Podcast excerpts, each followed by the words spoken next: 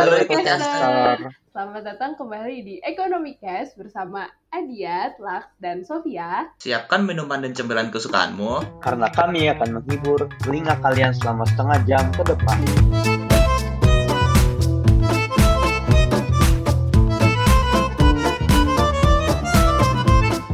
Halo Ekocaster, kenapa suaranya beda ya? Iya deh, aku kayaknya nggak kayak biasa aja deh. Wah, Iya, jadi kenapa ada hari suara ini- cempreng lupa deh ya? Jadi kita hari ini perkenalan dulu ya. Gua Dian. Oke. Gue Sofia. Dan gue Laks. Oke, kita bakal gantiin tuh? Riko, Kinasha, dan Eja untuk episode kali ini. Iya bener, karena ya gitu sih mereka kayak kayaknya capek dah, nggak tau dah. Iya, kalian tahu kan Kayaknya. ceweknya kayak Eh, emang berat kita, gitu kan setiap Kita berbaik hati nih, kayak Hmm, berterima kasih dong nih Eja, Kinasha, Mariko. Jadi kita mau ngapain nih di podcast yang katanya nomor satu di alam semesta? Anjay, alam semesta. Kalau alam semesta tuh ciptaan apa sih? Kayak Tuhan ya. Tapi lu pada pernah nggak Siapa lagi? Kayak pelangnya aja tuh ciptaan Tuhan. mungkin Ciptaan mungkin ya. gue menanyakan tapi lu pada tuh pernah bertanya nggak sih tentang eksistensi Tuhan tuh gimana Anjay, Um, eksistensi Tuhan. udah berat banget gitu ya. Baru pertama kali gitu gantiin Riko, Eja Kinasha langsung bahas agama gitu. Oh. Emang kenapa nih agama Jadi- ya? Kebetulan kita nih mau bahas seputar tema agnostik nih guys. Gue taunya agnostik nih yang kayak apa sih yang kayak Islam KTP ya, yang kayak lo gitu. Apaan sob? Apa tuh? Apa tuh ya? Islam KTP yang gimana ya? Mungkin yang orang yang sholat waktu ujian doang kali ya Yang pas nunggu ini nih, lagi siap Jadi keluar nih. Kayak ada pisau gitu di hati gue gitu. Hmm. mungkin coba coba jelasin Sof mungkin kalau ah, yang belum pernah dengar itu Islam KTP itu apa sih sebenarnya Gue yakin nih si Egocaster pasti udah tahu nih Islam KTP apa. Tapi buat yang belum tahu. Mungkin ngaca sambil ngaca juga kali ya. Oh enggak enggak lu aja yang ngaca. Ngaca. Jadi Islam KTP tuh gini guys, kayak orang yang ngaku Islam nih, tapi mereka tuh nggak pernah ngejalanin kewajiban-kewajiban yang ada di Islam, kayak nggak pernah sholat, nggak pernah puasa tuh. Kalau nggak, ya paling kayak sholat pas ada maunya doang tuh, kayak eh, kayak siapa tuh? Gue masih puasa guys, gue masih puasa. Eh, Gue juga sholat. iya. Ini gue kenapa kayak membela diri gini ya? Kayak apa lu denial ya? lu merasa tersindir oleh Islam KTP ini? Ya paling gitu sih, kayak Islam KTP sebenarnya kayak nggak cuma Islam doang, ada mungkin ada yang Kristen KTP atau Katolik KTP kayak Riko gitu. Eh nggak ada orangnya ya. Iya. yang bilang. Kenapa sih kayak kalau misalnya lo pada bertanya-tanya kenapa Islam KTP ada gitu? Menurut lu pada kenapa sih? Gimana ya sob kayak kalau menurut gue sih ya kayak walaupun orang tuh labelnya tuh beragama gitu, tapi kayak nggak merasakan keberadaan atau efeknya dari agamanya itu nggak sih? Mungkin. Eh, lu jauh banget sih kayak Islam KTP tuh lebih gara-gara ini gak sih? Kayak misal nih, lu punya kepercayaan tapi minoritas gitu atau nggak ada di enam agama yang biasanya dipakai orang kan enam agama yang biasanya dipakai kan kayak Islam, Kristen, Protestan, Katolik, Buddha, eh, Hindu sama Konghucu ya. Jadi mungkin biar lo gampang aja kayak itu nggak sih kayaknya ada juga kalau misalnya lu bisa naruh kepercayaan di eh, KTP ya. Ada yang pernah denger nggak? Oh, jadi mungkin menurut lo karena ini ya kayak apa sih? Kurang banyaknya option eh option. Ya emang option sih. Iya sih, kalau di Indonesia biasanya ada juga yang ngakuin kepercayaan kayak Sunda Wiwitan gitu. Terus apa ya? Permalim, kejawen. Jawen. Ah. Terus ada yang masih animisme dinamisme atau di pedalaman gitu. Mm-mm. gitu loh. biar gampang kali ya. Iya. Jadi kayak KTP Biasanya apa di- agama. Tulisnya kepercayaan kepercayaan terhadap Tuhan yang Maha Esa. Mm-mm. Tapi Tapi ditulisnya Islam dulu ya. Eh sekarang Hmm. masih nggak sih masih ditulis Islam gitu? Atau dikosongin aja? Kurang tahu sih, tapi kayak gitu tuh kalau misalnya lo mau gampang eh, apa sih ngurus-ngurus administrasi-administrasi gitu emang lebih gampangnya Iya. pakai agama yang mayoritas aja sih menurut gue ya. Soalnya kan Mm-mm. kalau misalnya kolom yang tau gak sih lu kolom yang centang lu agama apa gitu kan. Itu emang Ah, ada Sunda Wiwitan atau nggak kejawen. ada kan? Kan nggak ada kan? ah. Iya, Iya. makanya mungkin itu salah satu yang bikin orang tuh banyak yang Islam KTP gitu ya karena emang sebenarnya bukan bukan itu kepercayaan mereka tapi mereka ikut Hmm. mayoritas aja Hmm. ya kalau yang lain mah yang rebel aja ya yang nggak mau sholat nggak mau puasa Iya, tapi itu juga termasuk kan, masuk kategori Islam KTP. tapi tadi lu ngomongin agnostik agnostik dikit tuh apa sih lah agnostik tuh apaan sih Hmm, jadi gampangnya tuh kayak dia tuh orangnya ngerasa orangnya percaya kalau dia gak bakal bisa tahu kalau Tuhan itu ada. gimana gimana Jadi kayak bahasanya gampang dong itu udah gampang anjir. Kayak Gak bakal Orangnya- tahu. orangnya percaya kalau dia nggak bakal bisa tahu kalau Tuhan tuh ada. kenapa dia Hmm. kenapa dia nggak bakal bisa tahu Karena apa lu bakal ketemu Tuhan gitu loh. Kayak gitu kan. Kayak apa yang bisa membuktikan kalau Tuhan itu ada gitu. Tapi mereka juga nggak bukan ateis juga. Nah ini beda nih guys sama ateis. Nah kalau ateis tuh jadi kayak mereka tuh sama sekali nggak percaya kalau sama Tuhan gitu. Di pikiran mereka Tuhan tuh nggak ada gitu. Satu aja tuh kayak mereka percaya gitu. Percaya kalau nggak ada. Tapi kalau agnostik kayak nggak tahu gitu. Ya mungkin aja Tuhan Oh. ada, mungkin aja nggak. Tapi kayak mereka nggak bakal bisa tahu gitu. emang ya saya pakar peragnostikan nih. Om. Udah expertnya ya dalam agama. kayak banyak ya omongan omongan omongan agnostik kan ini kayak mulai banyak gitu ya bermunculan di sekitar kita kayak menurut lu apa sih gue tuh penasaran ya kalau menurut pendapat lo semua apa sih kira-kira yang bikin orang tuh jadi agnostik? Kalau menurut lu sendiri gimana sob? kalau gue ya? Kalau gue sih gini sih. Misal ya orang lahir nih anak-anak lahir bayi lahir. Dia kan pasti kayak lu lahir oe-oe gitu kan nggak mungkin ya? Kayak lu mau pilih agama ini gue mau pilih agama itu kan? Pasti kan lu bakal ikut agama orang tua lu kan? Kayak eh, misalnya nyokap lu Islam bokap lu Islam ya udah lu Islam gitu. Terus di kakak lu lu Islam. Lu nanti masuk Mm-mm. Di form TK lu di form SD lu lu Islam gitu kan agamanya. Iya. mungkin ya mungkin orang-orang ada sih beberapa orang yang mereka tuh tumbuh tuh sambil mempertanyakan sih kayak kenapa sih gue agamanya ini? gitu kan. Padahal dan kan kalau misalnya dia tumbuh dia kayak tahu agama-agama lain kan kayak selalu Iya. agama lain tuh belajarnya ini gitu.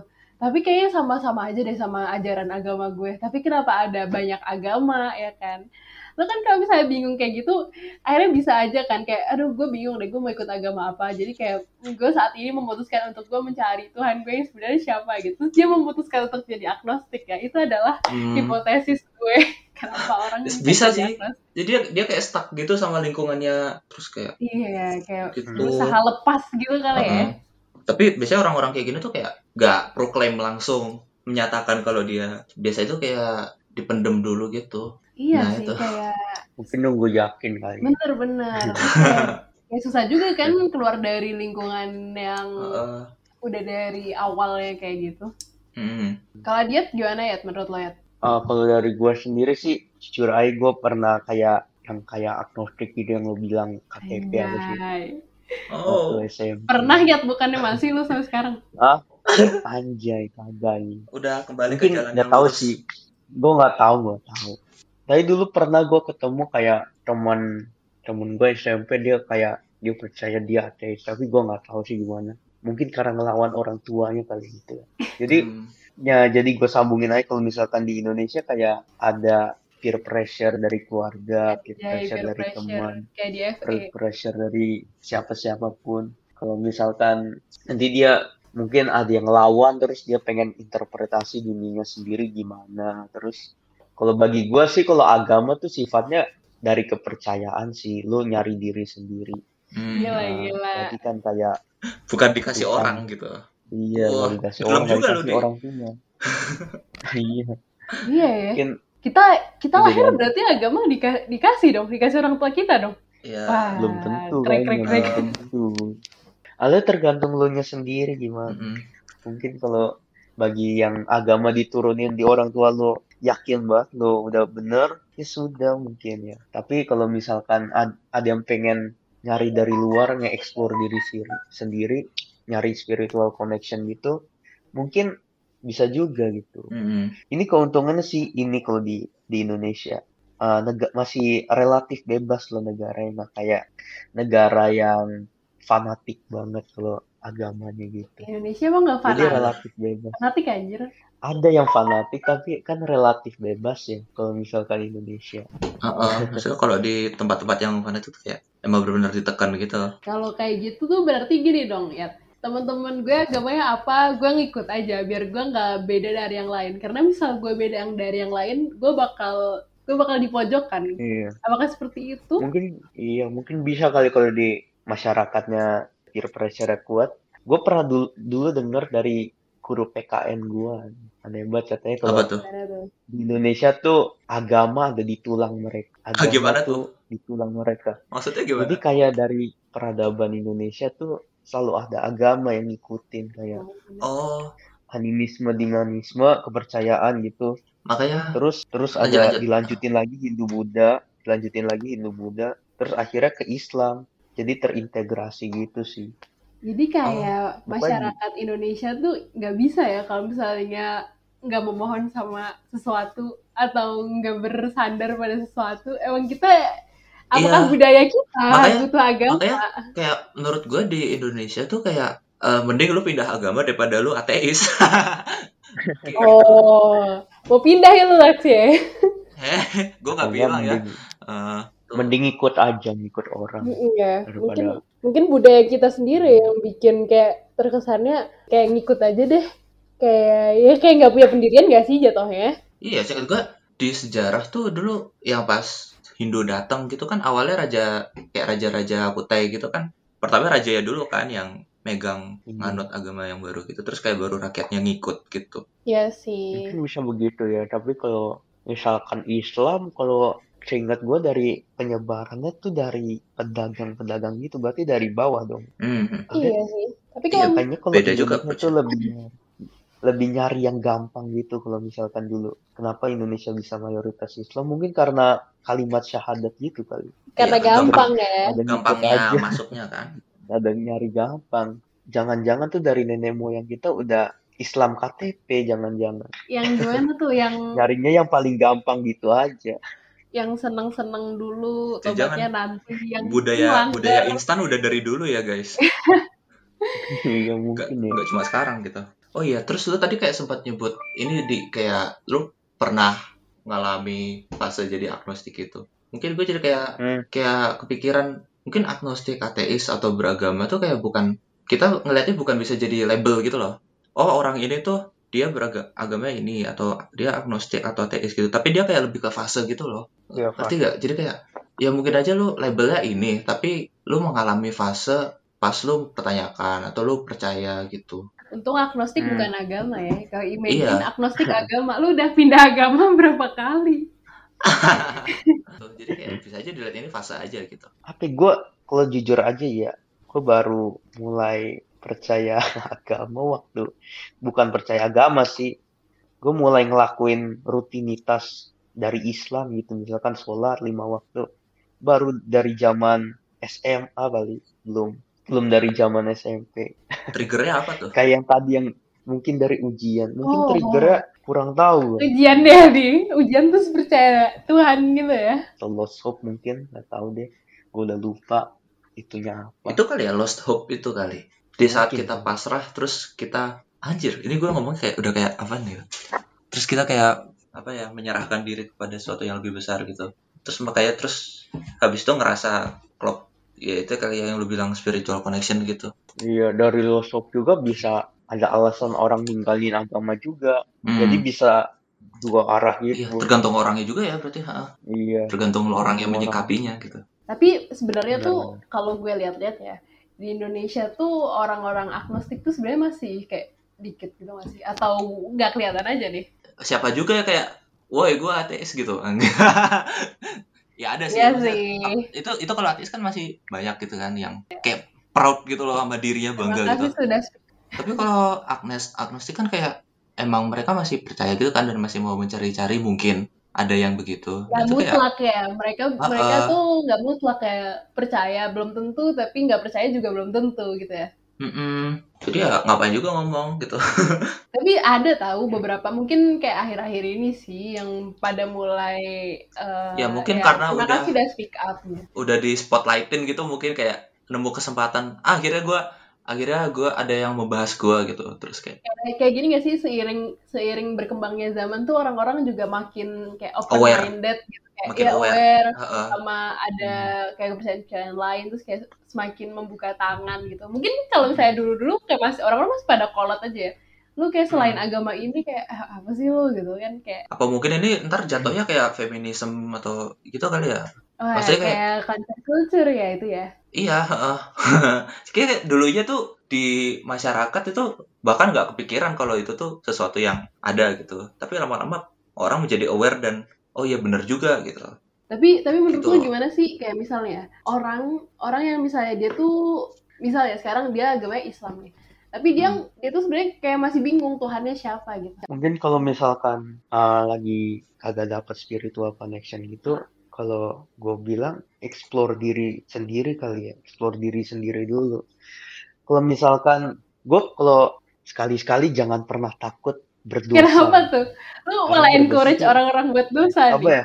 Oh, gue nggak uh, encourage. Maksudnya sekali-sekali kan orang banyak yang buat kesalahan ya. Mungkin kesalahannya bisa berdosa, bisa enggak. Gue nggak bilang kayak berdosanya hedonistik, tapi lebih ke berdosa sekali-sekali sebagai apa ya? Sebagai jalan dari hidup. Kalau orang kagak hidupnya gak berdosa ya, misalkan kayak perfect person gitu, aslinya itu kayak dari fairy Oh, tale iya. doang gak sih? Lu hidup Iya, harus balance orang- ya. dan Iya, orang tuh kan juga belajar dari kesalahan kan dan kayak iya. eksplorasi diri itu kan pasti kayak banyak jatuh jatuhnya dan kemar pergi keluar jalur ya gitu kan off road ngerti di ngerti ngerti Tapi Hmm. kalau misalnya lo gini gimana sih? Misalnya lu ibadah, tapi karena lu tuh masih dalam fase mempertanyakan Tuhan lo siapa, jadi kayak lu nggak tahu kayak lu tuh sebenarnya ibadah ke siapa gitu. Lu ngapain? Lu doa ke siapa? Itu tapi apa? itu kan fase gitu loh Sof maksudnya ya maksudnya dengan Iya, lu begitu terus mempertanyakan begitu suatu saat kayak entah lu bakal ketemu atau lu gak ketemu gitu tapi at least lu mempertanyakan dan lu aware gitu loh. Lu diri lu sendiri tuh udah sadar menganggap kalau Tuhan ada atau tidak ya Tuhan tuh penting gitu. Iya. dengan itu sendiri aja itu udah plus gitu loh. Dibandingin sebelumnya lu kayak kayak itu nggak ada di pikiran lu sama sekali malah kan sebelumnya. Kalau misalnya lu dari kecil kayak oh yaudah ini kayak hidup gue emang jalannya udah kayak gini gitu. Berarti ini kayak kenaikan level dari pemikiran lo gitu ya? iya kan? Kayak oh sekarang Hmm. gue aware dan gue kayak ada keinginan untuk mencari tahu lebih lanjut gitu dan entah ketemu atau enggak itu kayak ya itu journey-nya gitu loh perjalanannya. Ketemu atau enggak kayak masih belum tahu kan kita. Kayak mencari Iya, kitab suci. moga ya ketemu gitu. Kalau enggak ntar semoga lu ya jadi ateis.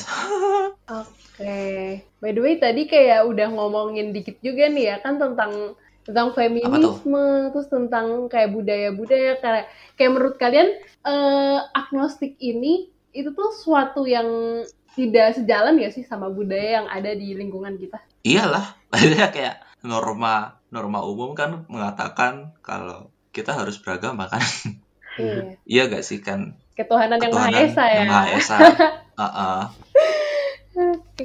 Kalau menurut gue, agnostik tuh masuk ke bentuk counter culture. Kalian pernah denger nggak itu apaan? Apa tuh? kayak apa sih budaya-budaya yang nggak nggak sesuai atau anti sih maksudnya dari masyarakat gitu Artinya itu budaya tandingan Tanding, sih, kalau- budaya tanding. tandingan berarti Iya. kayak lebih ke penolakan ya atau an- oh ya antinya gitu loh anti dari nilai masyarakat sih. gitu Apakah agama, eh apakah agnostik itu adalah tandingan dari agama? hmm Hmm, mungkin Iya. ya. Kalau misalnya nyambungin ke ini tadi budaya tandingan atau counter culture-nya itu, eh, jadi ada nih sosiolog Kanada nih guys, gue ceritain ya, namanya Kenneth Westeros.